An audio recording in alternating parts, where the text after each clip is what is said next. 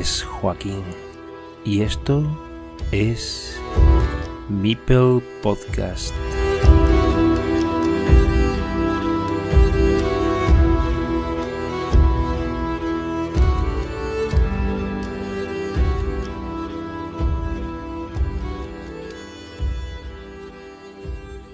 Bienvenidos otra vez y otra y otra a Mipel Podcast. Hoy estrenamos un nuevo formato de entrevista, una entrevista a dúo.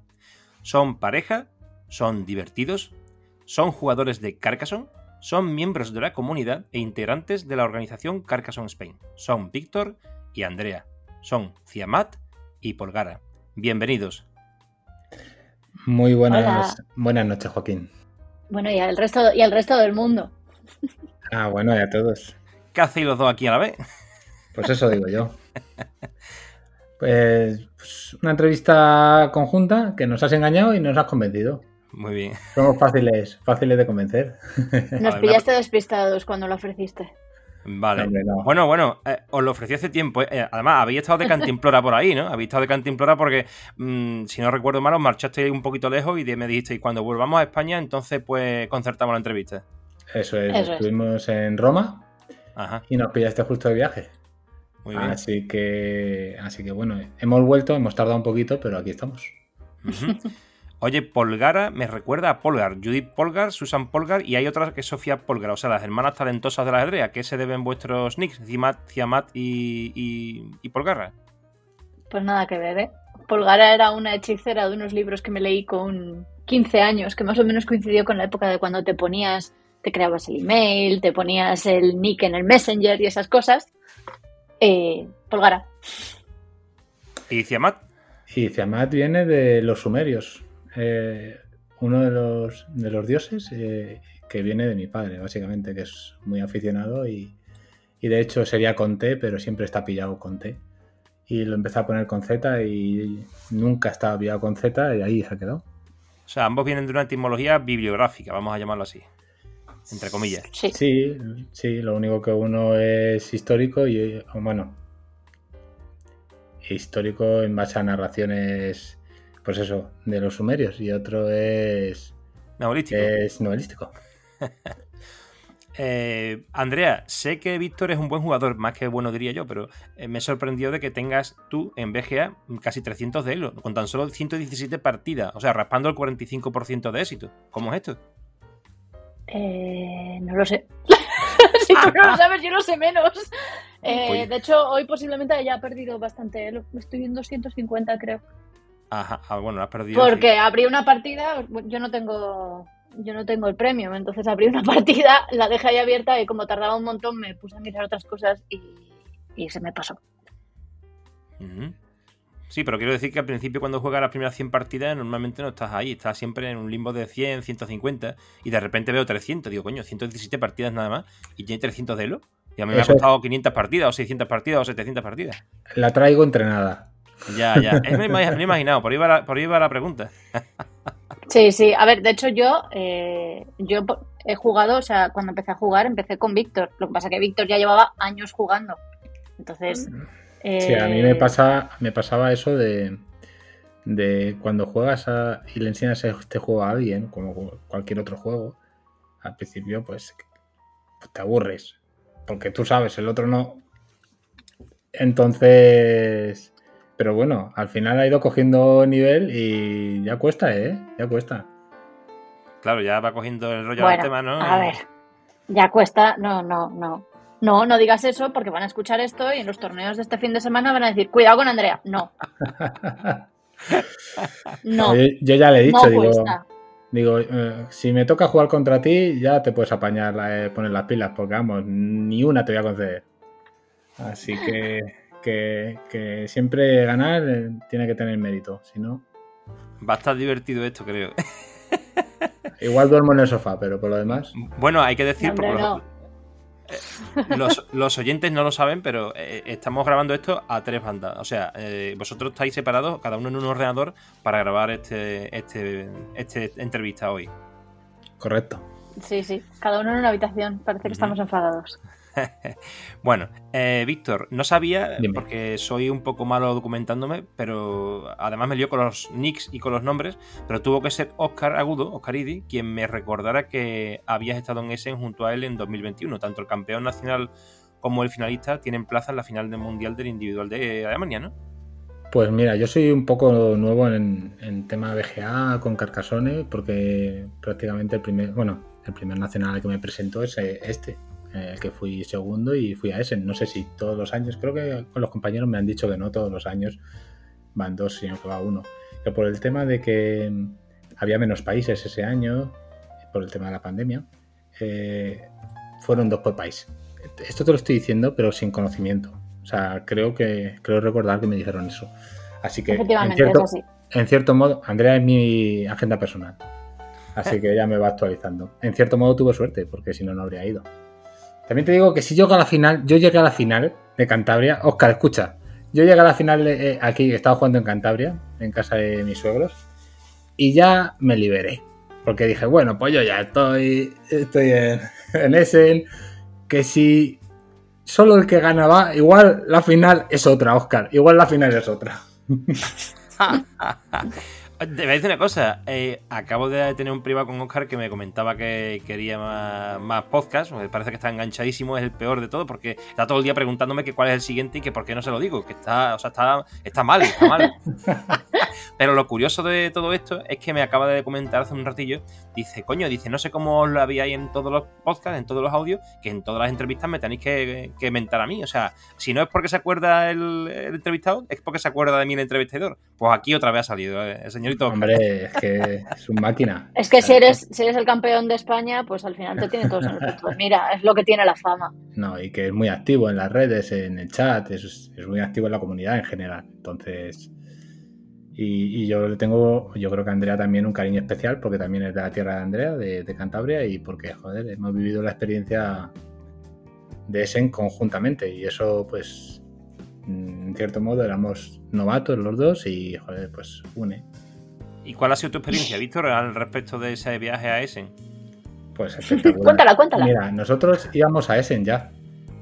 Antes de ganar, sí, íbamos a Essen. Y bueno, esto ya lo saben algunos compañeros. Y resulta que de repente, pum, estamos. Yo ahí en casa de mis suegros, voy al comedor y digo, Andrea, que estoy en Essen, que no, que no vamos a Essen. Y ahí empezamos a, ver cómo lo hacíamos. Y hablamos con David. Y la verdad es que se portaron muy bien, porque se lo que iban a pagar por viaje, a mí de alguna manera me abarataron el viaje que ya tenía programado. Claro. Entonces nuestro viaje era ir en caravana, en, camper, a Essen. Y fuimos en camper.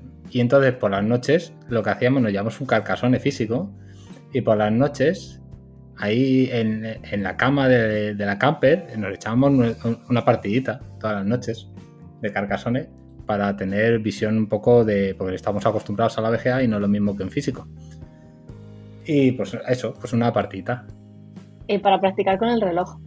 Eh, ah, ah, y para practicar con el reloj, que me bajé una aplicación de tiempos del, reloj de, en el móvil para darle al botoncito y, y, estar acostumbrado a, a, acostumbrarme que no se me olvide, porque todos amenazaban de, te decían, te advertían de se te va a olvidar dar al botón y el otro como se te olvida a ti no lo va a dar, va a dejar pasar el tiempo. Y va yo ahí con, el miedo en el cuerpo.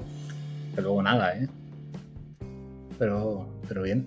O sea, y luego llegamos allí y, me acuerdo que el último día nos me decía Andrea, es que no consigo ganarte eh, ninguna. Y digo, estoy de camino al, al, Mundial de Carcasones. Si hoy me ganas si este viaje me ganas alguna, me, cago en la leche, algo estoy haciendo mal. pero, pero vamos, que fue una experiencia inolvidable. La, experiencia está del recorrido, te digo lo mismo, os digo lo mismo que a Oscar, que está muy bien que la contéis porque todo el mundo se centra en las partidas y demás. Pero bueno, a mí me gustaría también eh, conocer esa parte de lo que es ya dentro de lo que es la sala y las partidas y tal. ¿Qué sensaciones, emociones, cómo lo, lo viviste? Pues como si estuviera en un examen de universidad. La misma sensación. Pues la sala, eh, todas las eh, mesas preparadas, el, cuerpo por dentro así como a ralentí, con el culo a ralentí, estás ahí nervioso, quieres sentarte y empezar, ¿sabes? A mí pasaba eso en los exámenes. Y en este sentido, pues lo mismo. De vez en cuando miraba a Andrea, me, me decía, ¿vas bien? Como con la cabeza. Y yo, eh, sí, o la guiñaba un ojo si veía que bien. Y, y la verdad es que una experiencia, como un examen. Os iba a preguntar si jugabais en casa a Carcasón o si ya tenéis bastante con la VGA, pero he visto que también tenéis con la Camper y tenéis. Es variado, ¿no? El juego de Carcasón. Jugamos, jugamos más ahora. En, en el último mes hemos empezado a jugar más porque me está entrenando. Bueno, realmente, ¿cuántas partidas hemos hecho? ¿Cinco? Sí, ya, bueno, pues eso. O sea, es que. Pero juega en plan, pues diciéndome, yo le digo, eh, no me digas lo que tengo que hacer, pero después de que lo haya hecho, dime si lo he hecho bien o mal. Entonces yo voy jugando y ya cuando ya he puesto una pieza me dice, eso no tenías que haberlo hecho. Claro, tiene que haber una, un feedback para que se, se, entienda la jugada siempre que el otro sepa bastante más, claro, evidentemente, que es el caso. Uh -huh. Pero de todas maneras, yo también te digo que soy bastante irregular, ¿eh? Yo me afecta mucho como estoy del coco para jugar al Carcassonne. Hay gente que, que es un reloj que siempre funciona de la misma manera, muy, muy sistemático, siempre la misma calidad de partida, o casi siempre la misma calidad de partida, y yo soy una montaña rusa. Tengo picos e intento llegar a los torneos en el pico alto. Eso, está bien. Eso está bien. Bueno, tenemos que entender que todo el mundo, eh, bueno, sufre esos picos, ¿no? Lo que pasa es que decía Zocanero el otro día, David Cobo, que bueno, que a veces cuando uno estaba modificando también el estilo de juego porque está mejorando, esos picos se sufren más, pero hasta que no subes el nivel mínimo, eh, estás ahí desestabilizado normalmente. Aunque nosotros tenemos un pedazo de reloj ahí, un reloj oncio ahí muy bueno, ¿eh? Que, que se mantiene el tío siempre más o menos por las alturas. Pues eso, eso es de estabilidad. También me, en la liga Íñigo, por ejemplo, también. Sí, sí, Íñigo está... está... potente, está fuerte. Pero, pero es que hay gente que es muy estable. Es, eh, Rafa Nadal en el tenis. Se podrá decir cualquier cosa, pero estable es. Sí, bueno, cuando se lesiona no, pero cuando vuelve ya, está otra vez el tío ahí. Pero es me difícil. refiero mentalmente. Sí, sí, eso es verdad. Yo mentalmente soy como Ozil, ¿sabes? ¿Cómo, cómo qué? Ozil, ¿Cómo qué? Ozil, un jugador de fútbol que vale. lo mismo te da una joyita que te hace una mierda de partido, pues lo mismo. Pero vamos a ver, no te ves un jugador de Real Madrid y alguno del Atleti, ¿no? Sí, Eres Correa. Eh, soy Correa, no, pero es que Correa le tengo mucho cariño y es muy regular. soy, no sé, ahora no, no caigo. Bueno, y hablando de partido de tenis, te toca a ti, Andrea. eh, muchas gracias antes de nada por el logo del cartero de Carcassonne. La verdad que yo soy muy malo diseñando y te digo la verdad, puedo hacer 10 entrevistas antes que terminar el logo. pues mira, yo en lo que tú haces una entrevista es lo que dice yo del logo. Pero vamos, porque, porque son cositas fáciles. O sea, a mí si me pides algo un poco más elaborado, esto al final era coger varios, varios bloques ya definidos e intentar ir mezclándolos. No te creas que a alguna gente nos cuesta muchísimo trabajo eso, pero bueno, eh, muchísimas gracias, lo digo aquí en el podcast públicamente y encantadísimo con el, con el logotipo. Muchas gracias. Eh, bueno, que por cierto, te miré, ¿Sí? te miré para hacerte el del Betis, pero no encontré la camiseta para ponerse al Mipel. no pasa nada, no pasa nada. Eso fue un alarde de, de bueno, de superioridad puntual, ¿no? Por, por, por ganar la Copa del Rey. Eh, quería preguntarte también por el viaje a Essen, pero desde el punto de vista de espectadora, pero teniendo en cuenta que sabes jugar a, al juego y, y, además eres el acompañante de, en este caso, de Víctor. ¿Cómo viviste esa experiencia de, de Essen? A ver, es, es distinto, porque claro, él, él, dice que pareció un examen, realmente pareció un examen, porque además llegamos los primeros a la sala y estaba, no estaban los juegos todavía colocados, pero estaban todas las mesas colocadas como cuando te las colocaban en los exámenes en la universidad, separadas todas uh -huh. unas de otras y alineadas, y eso sí que dio la impresión del examen, pero es que claro, luego eh, a la, en el momento en que empezó el torneo, a todos los acompañantes pusieron, digamos, como una fila de sillas y de ahí no podíamos pasar. Entonces tampoco podíamos ver lo que estaban haciendo. Sí que podíamos verles, en plan, a ellos físicamente, moverse, tal, reaccionar, al, al polaco que no sé cómo se llama, el que ganó de pie, como un aguilucho encima de todos los tableros, pero, pero no podíamos ver los movimientos. Entonces, había algún momento que, que, nos poníamos a hablar entre nosotros, nos íbamos de paseo, volvíamos, vení, vinieron, vinieron los, los, chicos de Debir, vinieron Benja y, y, Carles a ver cómo iban. Entonces, bueno, pues fue un poco más, lo mío fue más de networking y ir conociendo a la gente que poder ver el juego. ¿Y qué te pareció la feria de Essen? Porque ahí al fin y al cabo, aparte del torneo, había una gran feria de juegos de mesa, ¿no? Es impresionante, ¿no? Supongo, ¿no? Sí, sí, a mí, a mí me flipó. Vamos, o sea, fuimos... Eh, bueno, la principal que movió lo de ir a Essen fui yo. A ver, sí, claro. También, pero aquí la flipada soy yo. a ver, eh, los juegos de mesa empezaron porque yo jugaba bastante a los juegos de mesa quitando Carcassonne y conocí a Andrea, la metí y he creado un monstruo un monstruo que me ha devorado. Porque ahora es una fanática de los juegos de mesa. Y es cierto que el Carcassonne ocupa parte de nuestro tiempo. Sobre todo, y a mí me gusta el Carcassonne como, como juego en solitario. Es como mi espacio personal en el que yo me distraigo y, y, dejo de pensar en otras cosas. Pero no, nosotros tenemos la casa barrota de juegos y lo que hacemos es jugar entre nosotros a otras cosas cuando no, estamos jugando al Carcassonne, que es la mayoría del tiempo. Mm, hay mucha gente que le gusta los juegos de mesa y entre nosotros hay varias personas que tienen incluso algún tipo de tienda o página web relacionada con, los juegos en general, no solamente con, con Carcassonne. Y a mí me encanta el juego de mesa, pero siempre he estado más relacionado mi experiencia con los juegos de hace años ya, ¿no? No los juegos de mesa modernos como los que se conocen hoy en día desde que nació los colonos de Catán y Carcassonne y todo esto, ¿no? Pero yo ahí está un poquito perdido, la verdad. Y eso es muy interesante, pero ya tenía una pregunta para ir preparada de cómo de alguna manera se habíais conocido, porque supongo que es un poco inusual que haya dos personas dentro de la comunidad que sean, pareja en este caso y en vuestra situación, pues yo pensaba, digo, a lo mejor se han conocido por Carcassonne o algo y la realidad es que tú eres el jugador de mesa, le enseñaste a ella y ella es más fanática ahora que tú, pero tú sí estás un poquito más centrado en el Carcassonne, más o menos esa sería la lectura, ¿no?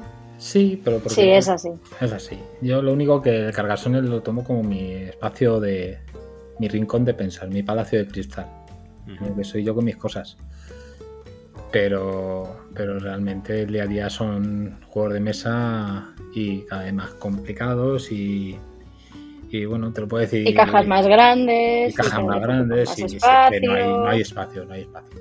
No hay espacio. Tengo una pregunta. Hace, sí.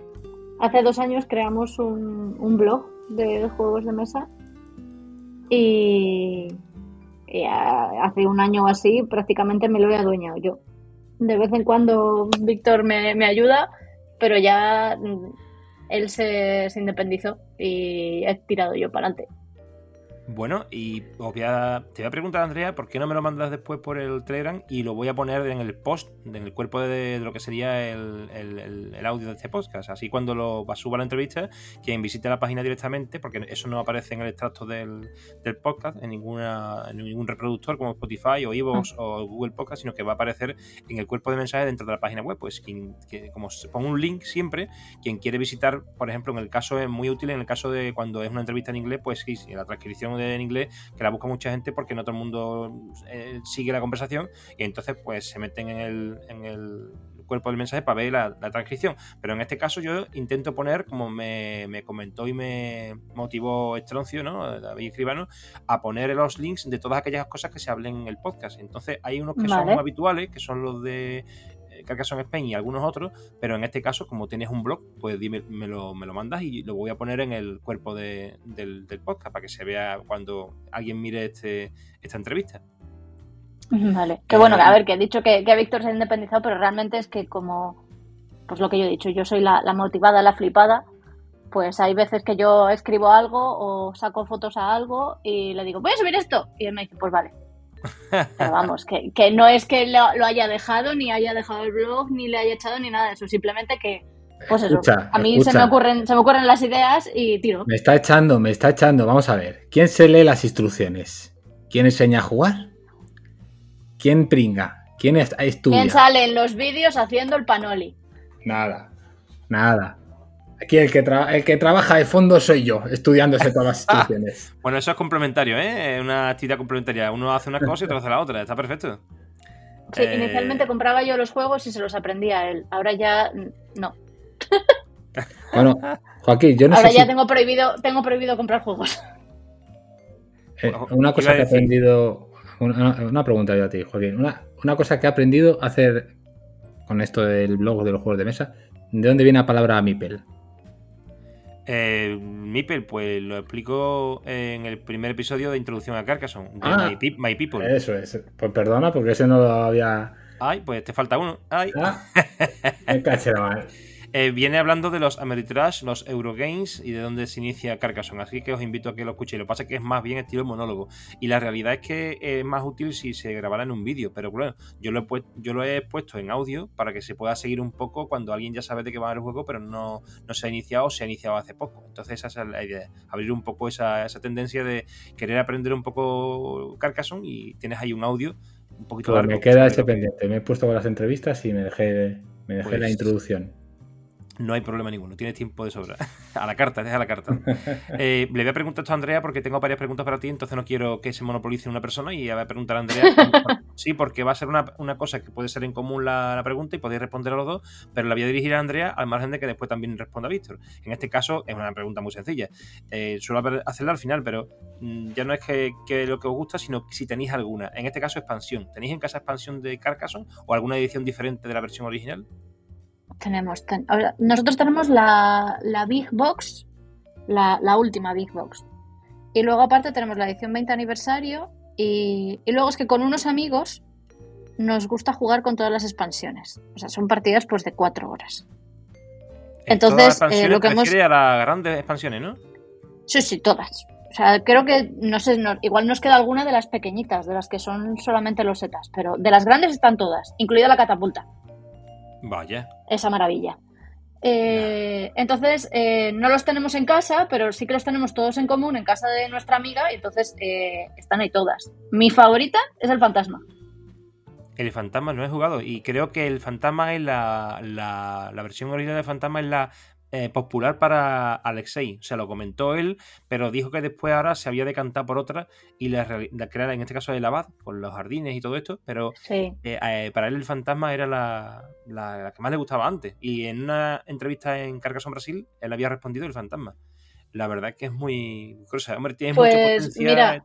Sí. Justo, justo estaba, o sea, cuando, cuando tengo que pensar en mis favoritas siempre es o el abad o el fantasma. Y lo que pasa es que el fantasma es la que tenemos más reciente. Entonces, por eso te he dicho el fantasma. Sí, sí, sí. Bueno, eh, la verdad es que eh, un Mega Carcassonne siempre es, es muy, muy interesante. La verdad que yo estaría encantado de poder jugar en alguna ocasión algún Mega Carcassonne. Por lo menos las expansiones grandes.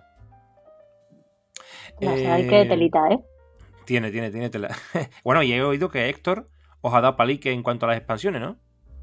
Sí, a Héctor le conocimos al volver de Essen y, bueno, nos descubrió un mundo, porque claro, sí, sabíamos que había expansiones, sabíamos que había cositas, pero de repente em- empezó a hablar de C1, C2, C no sé qué, y Víctor y yo estábamos en la mesa del bar mirándole como diciendo, eh, pero entonces nosotros a qué jugamos. Claro, nosotros veníamos de Essen, porque en Essen nos, nos pusimos a.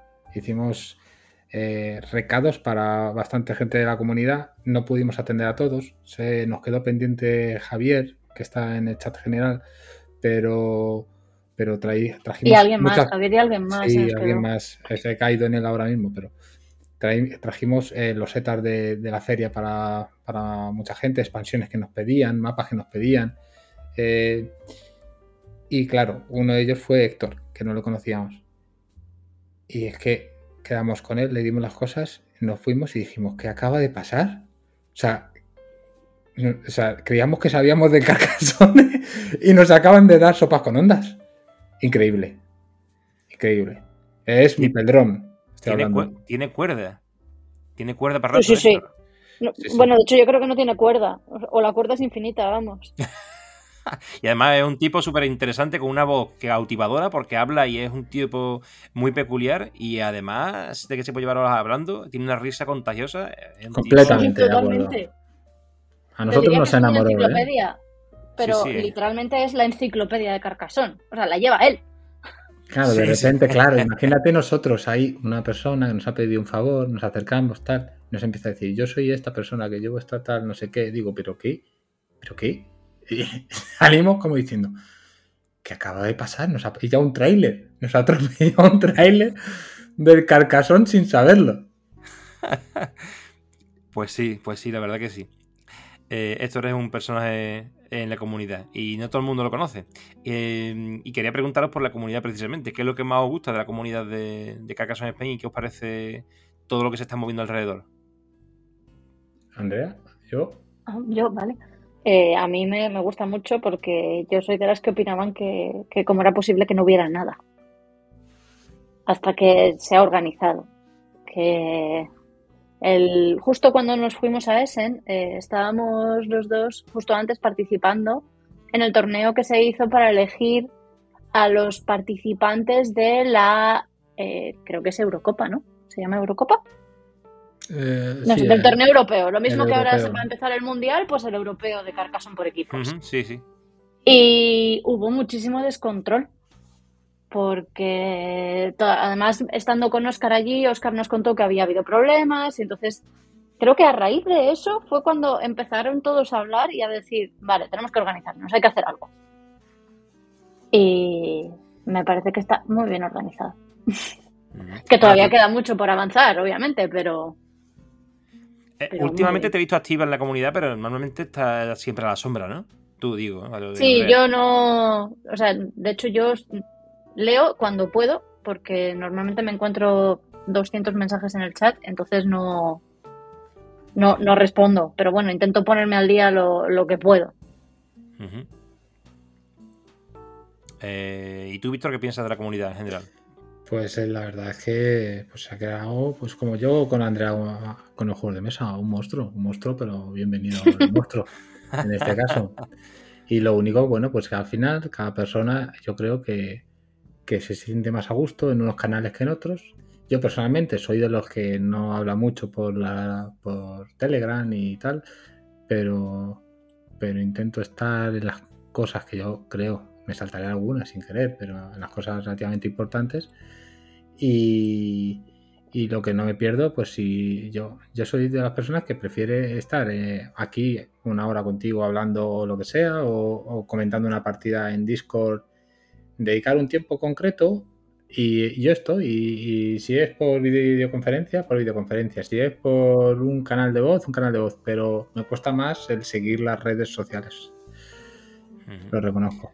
Sí, porque hay que estar muy pendiente y continuamente si no te encuentras, como dice Andrea, 200 mensajes de repente. Es que es lo que me pasa a mí día a día. Pero Claro. intento estar en lo que puedo. Eh, pues, Víctor, te voy a encauzar unas preguntas a ti ahora a ver que, cómo me respondes a esto. Vamos a ver, Víctor, ¿tenéis, Uh, ¿tenéis planteada una orden del día en las reuniones del comité de liga o las reuniones se deben a reclamaciones o cuando suceden situaciones puntuales? Eh, normalmente las reuniones es porque hay algo, un evento que está por venir. Por ejemplo, va a terminar esta liga y tenemos que afrontar cómo se va a afrontar la segunda edición de la liga. Pues hay que hacer una reunión para ver qué es lo que puede pasar. Eh, hay gente que se va inscribiendo en la liga para la segunda edición, gente posiblemente que se pueda caer de esta primera edición, entonces, bueno, pues hay que ir viendo si suben los participantes que se hace, si bajan los participantes, que no va a ser el caso, porque eh, hay lista ya para entrar de, de varias personas, entonces, pero bueno, hay que ir tomando decisiones para que luego el, el tren no te atropelle. Eso lado. correcto, sí. Y luego, pues, si hay incidencias en el chat de la liga o porque hay alguna persona, al final es una comunidad y no todos funcionan de la misma manera. Hay gente más dejada, hay gente más preocupada, hay gente que, pues, de todo tipo. Entonces, pues, intentas. Eh, eso es la parte reactiva, reaccionar a, a lo que pueda suceder en la liga e intentar dar soluciones.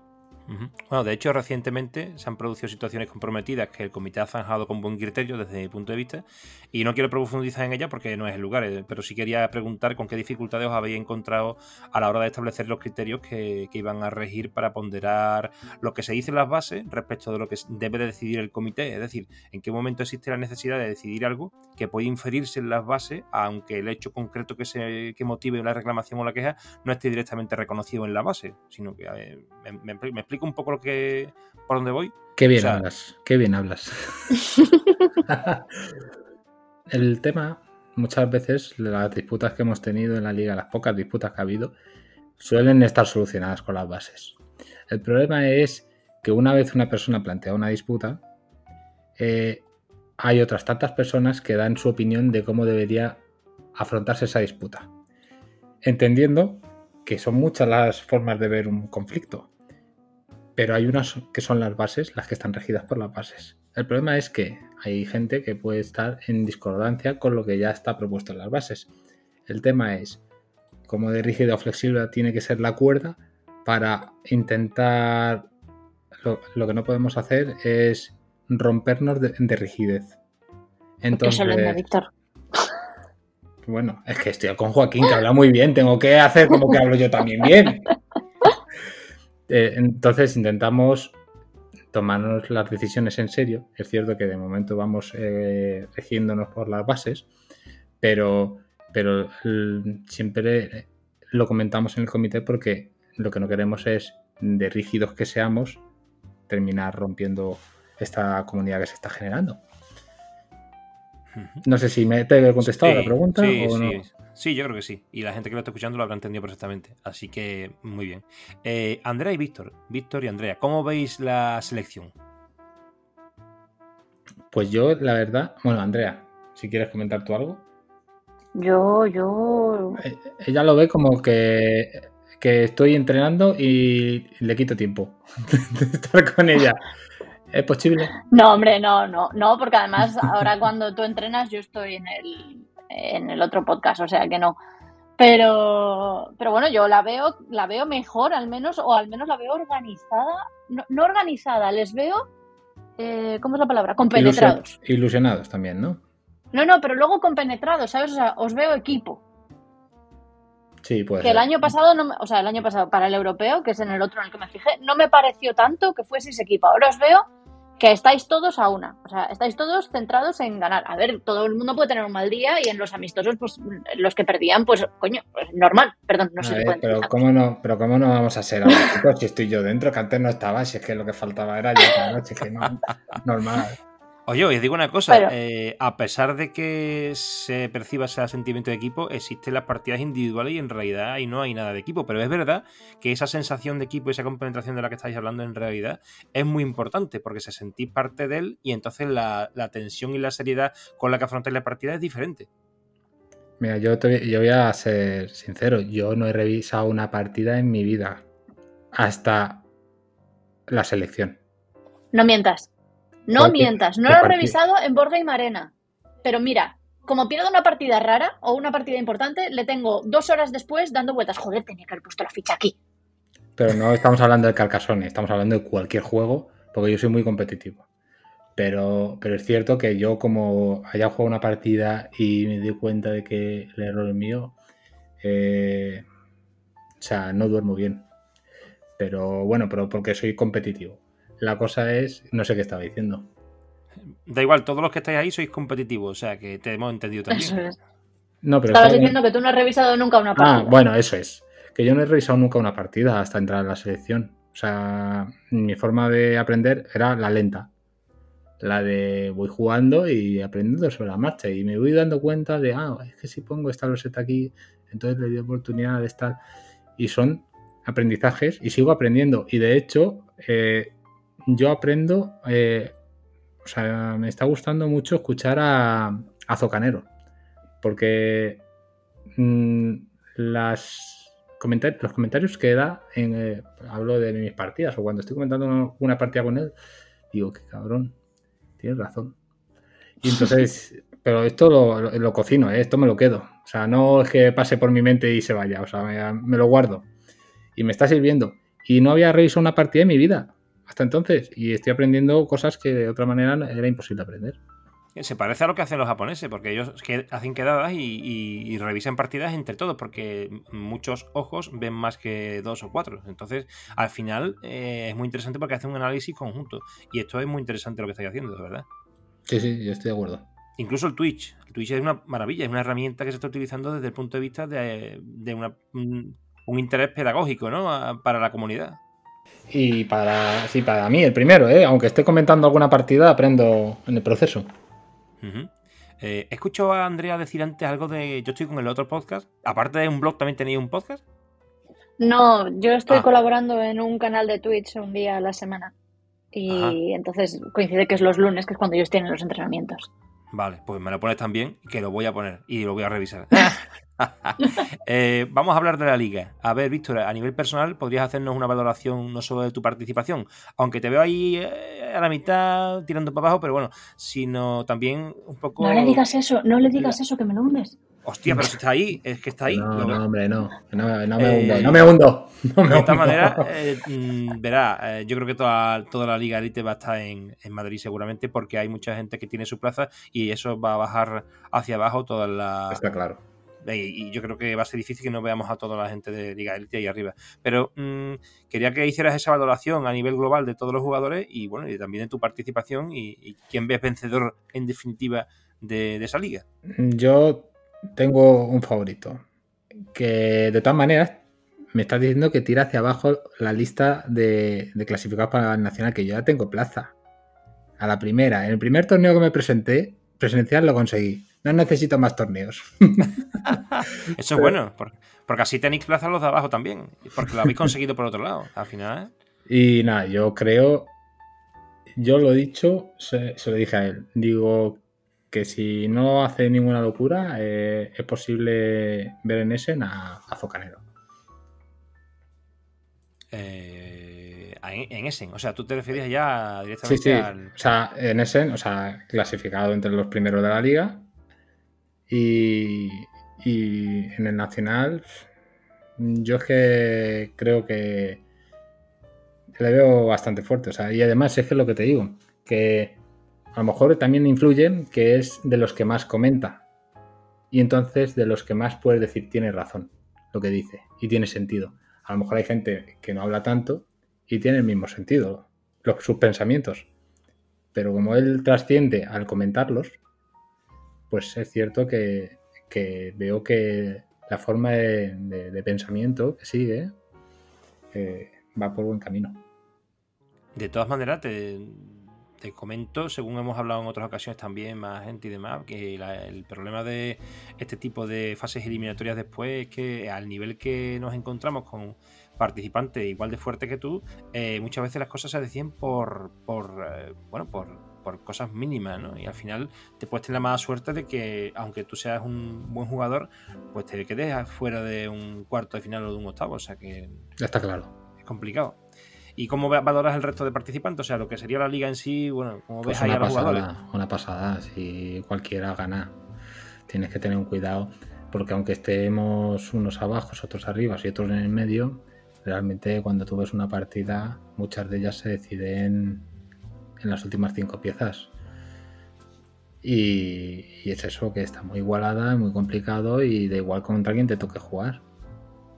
Yo aquí destacaría que, por ejemplo, eh, jugadores tan fuertes como Alfamar o Locuelo, ¿no? O sea, Luis, eh, Alfonso, eh, el mismo César, están ahí abajo.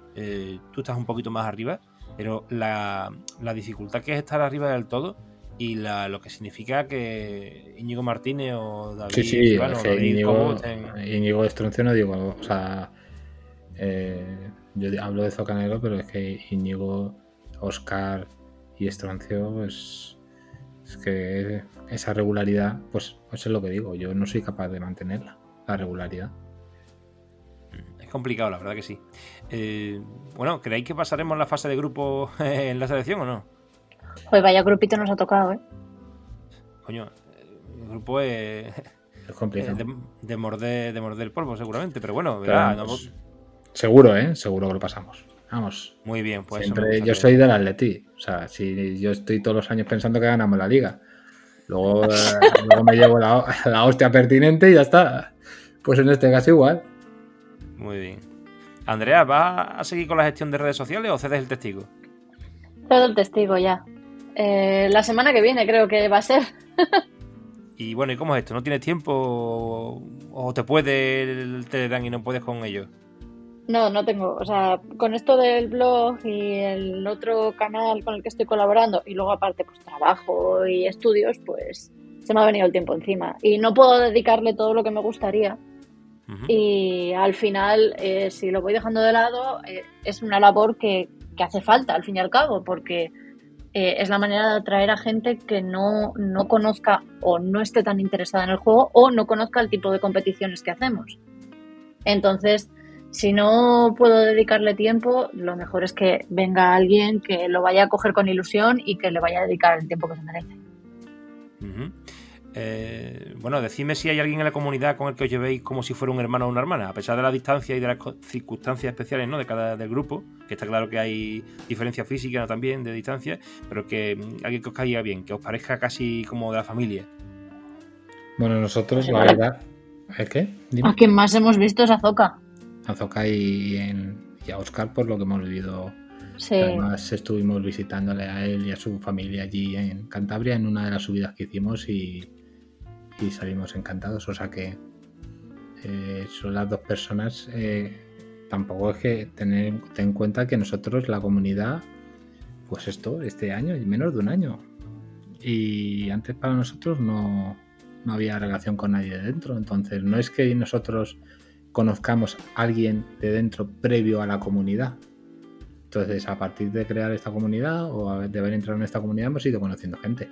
Entre ellos, pues, Oscar y Zoka son dos personas con las que ya hemos quedado fuera de fuera de, de la BGA. Muy bien. Bueno, y para mí, que, que yo igual Y- tengo un poquito más Héctor, relación que no, no, Víctor. Y yo, Héctor, que Sí. yo estoy enamorado de Héctor, Héctor. sí, sí. Que no hemos que podido que quedar yo- para jugar con todas las expansiones. Perdona, voy a cortarte. No hemos podido Ya veo, ya. Eh, No hemos podido quedar para jugar con todas las expansiones, Héctor. Pero te prometo que sigo pensando, de verdad, ¿eh? En hacerlo. Ya. Carcassonne Spain va a tener que hacer un Mega Carcassonne algún día. Algún día. Más pronto. Que nada, que que yo quería mencionar, eh, quería mencionar, eh, pero bueno, o sea, porque yo tenía un poquito más de relación que Víctor por los eventos, a Tony de Debir, que yo no le conocía, Víctor y, sé que Víctor y Oscar sí que habían tratado con él el año pasado cuando el campeonato, pero yo no, y el trato que he tenido ahora en estos últimos dos meses con él es que me parece una persona encantadora. Yo lo he visto incluso en alguna entrevista por YouTube y la verdad que es un tipo fenomenal, sí. Mm. Eh, bueno, por esta vez no os voy a dar más caña. La entrevista se hace corta en realidad, pero porque uno se siente a gusto hablando con vosotros y la realidad es que vamos por 42 minutos, todavía falta un poquito, pero bueno, eh, vamos a pasar a las preguntas cortas. Primero responde Andrea, después Víctor y la siguiente se pregunta, o sea, la- responden al revés. Primero Víctor y después Andrea. Es decir, vais intercalando sucesivamente las respuestas. En este caso, voy a preguntaros por la pregunta típica de la loseta favorita, Andrea. No, esto no se lo ha preparado, ¿eh? Eh, no, no. eh, Pues lo pregunto siempre, ¿eh? Ya podéis preparárselo todos los oyentes cuando os toque la entrevista. Sí, sí, sí. Tenéis que saber responder. Loseta Vale, a ver, es que no sé cómo la, no sé cómo las llamáis. La que es las dos tapitas en L. El, Eh, divorcio. el divorcio. Ese es el divorcio. Y entonces las que son las dos tapitas en paralelo. El, divorcio. Ah, vale, pues el divorcio. Es que también los nombres ayudan, ¿eh? Tela. ¿Y tú, Víctor? Yo, eh, el divorcio. También, ¿no? Sí. Qué guay, ¿eh? Una pareja que le gusta el divorcio. Sí, esto es ya, ¿eh? la, la New School. Expansión favorita, ahora Víctor. La expansión favorita, la, cata- la catapulta. No me lo puedo creer. La catapulta. No te lo Perdona. crees ni tú. Bueno, pero La catapulta. Además que os digo la catapulta, me dolió en el alma porque eh, la teníamos aquí en casa. Eh, que con una catapulta que todo lo tiraba hacia la derecha, tenía deje, estaba como ahí medio, medio coja. Entonces tenías que ponerte girado para que entrara en el tablero. Y se lo, dimos- se lo- se lo pasamos a la amiga esta con la que jugamos todas las expansiones. Ah, quédatela, tal, no sé qué, no sé cuántos. Y luego miramos en Wallapop 50 euros por la expansión de la catapulta. Digo, me, cago, 150 también, No. ¿eh? Lo he visto, ¿eh? me cago en la leche. Está descatalogada y es 150 euros, lo he visto. yo Me- digo, me cago en la leche, que nos hemos equivocado, que había que venderlo por Wallapop. No te preocupes. El próximo día que vayamos, cuando no jugamos con ella, le decimos, oye, que me la voy a llevar, que la voy a poner en la estantería ahí de decoración con el otro carcaso. Vamos, vamos, la vendo, pero vamos, como está mandado. De Andrea ya sabemos que es el fantasma. La expansión favorita. Sí. Pero. Además es que me parecen, los Meeple me parecen super cookies. Pero voy a decir una cosa, eh, esto de la catapulta, de verdad, es como, ¿habéis visto las películas estas que cuando pasan 10 años sacan otro remake o un spin-off y, y ya no te gusta para nada? Pues para mí esto es como algo parecido, o sea, la catapulta no tiene nada de estrategia ni de táctica, tiras un muñeco ahí a tomar por saco y, y eso no tiene sentido. Pero vamos a ver, el- el- ¿qué Pero- estrategia y qué táctica tiene un carcasone de cinco personas? Bueno, pero ya eso es otra historia. Ya, ya, bueno, pero es la misma historia. O sea, es Coño, el, el si coge- divertimento, es el divertimento por el divertimento. Por la catapulta en una partida 5 no afea nada. Mira, en. en- Gana la bueno, vale, vale, para divertirse sí vale. O para jugar con los niños. Eh, en ajedrez está el sistema 960 de ajedrez random y se coloca- se colocan las piezas de forma difer- diferente. Ya lo hablé en una ocasión. Eh, entonces, claro, bueno, ya no van las aperturas. Porque como has modificado la- la- el inicio de la partida, el de las piezas, quiero decir, en- eh, al empezar, pues ya no vale las aperturas. La gente que estudia aperturas ya ahí no le vale. Solo vale la estrategia y la táctica. Pero lo de la catapulta es como si cogieras un peón y lo lanzaras a tomar por culo a ver si le da al rey. ¿Eso qué coño es? ¿Sabes? Eso no tiene sentido. Ojo, ojo, ¿y no te parece divertido? Pon el rey lejos, tal, no sé qué. se- A los gogos. ¿Te acuerdas tú de los gogos? Pues esto, los Pues gogos. es, como, es como si los niños se ponían a amontonar una, una torre encima de otra torre. Eso no, no es, eso no es un juego.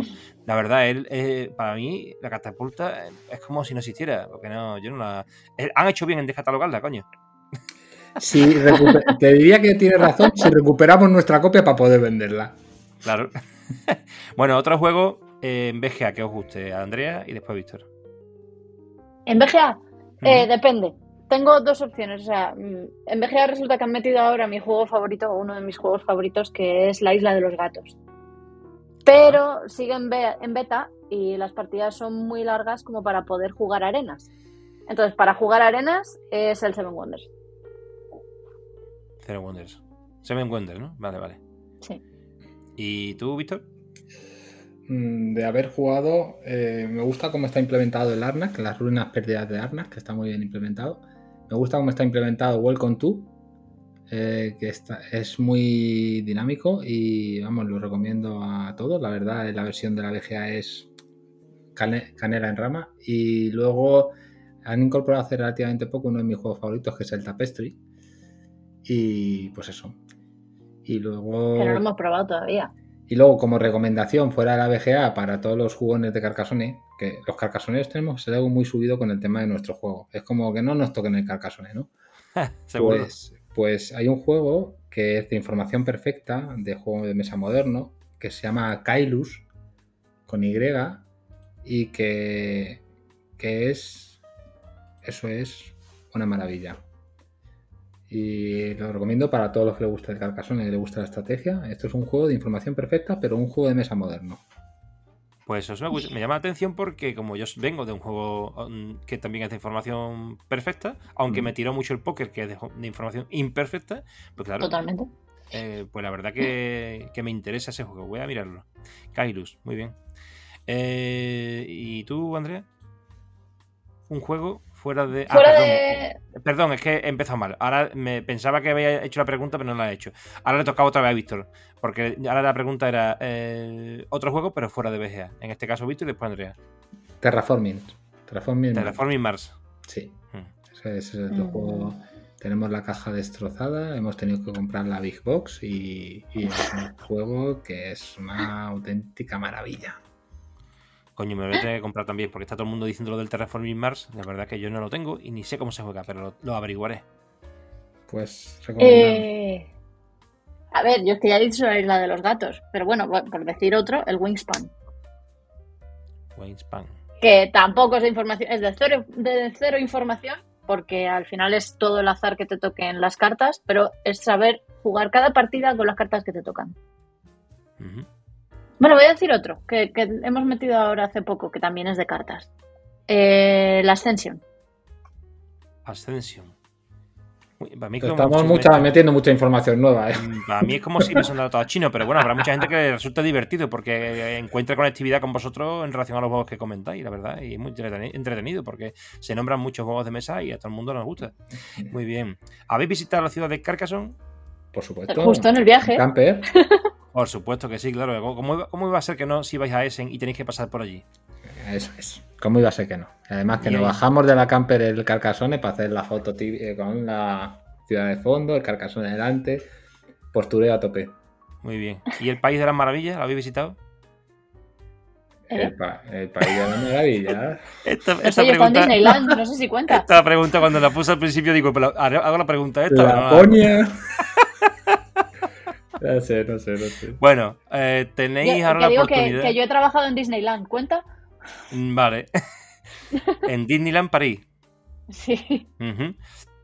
Bueno, eh, hablaremos de ello otro día.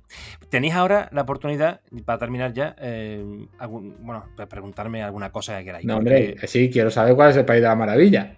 eh, bueno, era. Era. era una pregunta retórica o no sé cómo llamarla, pero bueno, ulterior. No sé, esta es una pregunta que puse yo al principio eh, y no sé por qué la tengo aquí. La he leído casi, no, no la había pensado.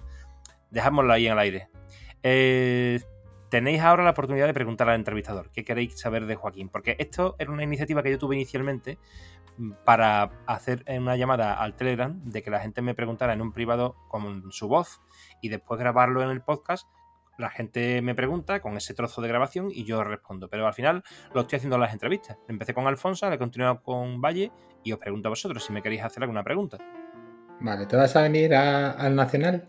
Aquí, aunque no tengas plaza, a Madrid, a pasar el fin de semana carcasonero. Eh, la respuesta es sí. ¿Y por qué? Porque tengo plaza. Amigo, así sí. Claro La que tiene conseguí plaza, si la consiguió a la vez que el Betis la copa.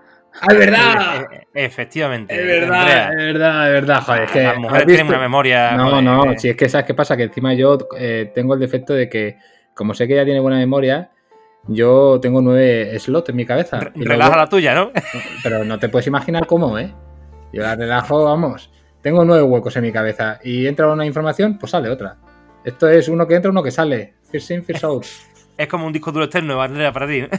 Vamos, en mi agenda personal. menos. En mi agenda personal, o sea que no te digo más. Bueno, pues la respuesta ha sido corta y rápida y breve. Sí, voy a pasar el Yo fin de tengo semana. una.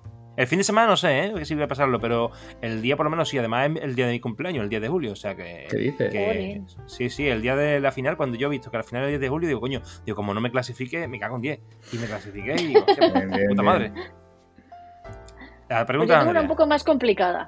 A ver, Si añadieras, o sea, si tú la crearas una expansión para Carcassonne sí, o Carcassonne, sí. ¿qué sería? Pues te lo voy a decir porque ya lo he pensado. Lo he hablado con una persona y está entrevistada. Lo que pasa es que no sale en la entrevista esa idea. La ha salido hoy. Y además lo he consultado con la persona. O sea, lo he consultado. La idea me la ha dado en realidad el colega que me metió en Hive, en la BGA y en el Carcasón. Y ya comenté en una ocasión que mi tío hace ya muchos años me enseñó a jugar al ajedrez, pero mi tío ni, ni echaba cuenta del ajedrez ni nada. Era el campeonato de Sevilla y me enredó a mí porque me cogió por banda. Me explicó eso, a mí me picó el gusanillo y él lo dejó. Eh, y al final me ha pasado algo parecido con la BGA y con Carcassonne y con Hype.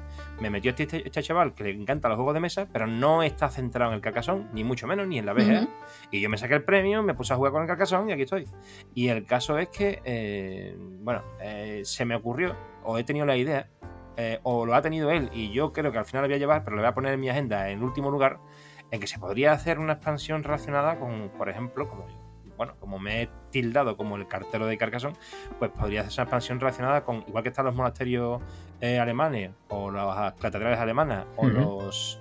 O los eh, el- ¿Cómo se llama esto? Los edificios. Ahora hay japoneses ¿no? también, he visto, he visto los templos japoneses ahora. Es- eso, los templos japoneses, que por cierto me acaba de llegar eh, fresco, fresco de Madrid, eh, de un remitente que empieza por H eh, y, y terminan. Y, y Qué casualidad, qué casualidad. Sí, sí, sí, o sea, que de verdad la semana pasada hizo compra Hansing Gluck.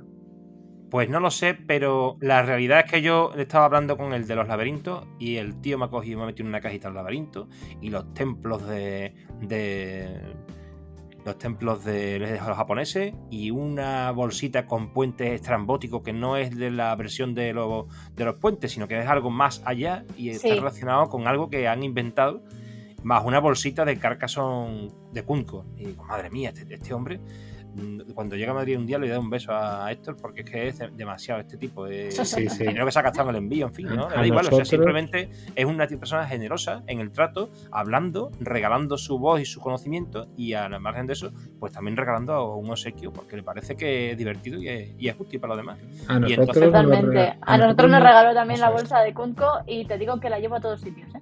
O sea, es la bolsa de tela más cómoda que he tenido. pues sinceramente, la idea mía sería algo así como los templos, como si fueran los monasterios, pero serían eh, oficinas o postales, ¿no? De correos, ¿no? Y claro, no pondría ningún logotipo porque estaría eh, invadiendo el espacio de derecho de autor, pero como hay una cosa común que hoy se ha hablado además en el Telegram, que es la cornamusa, sí, lo estaba pues, pensando.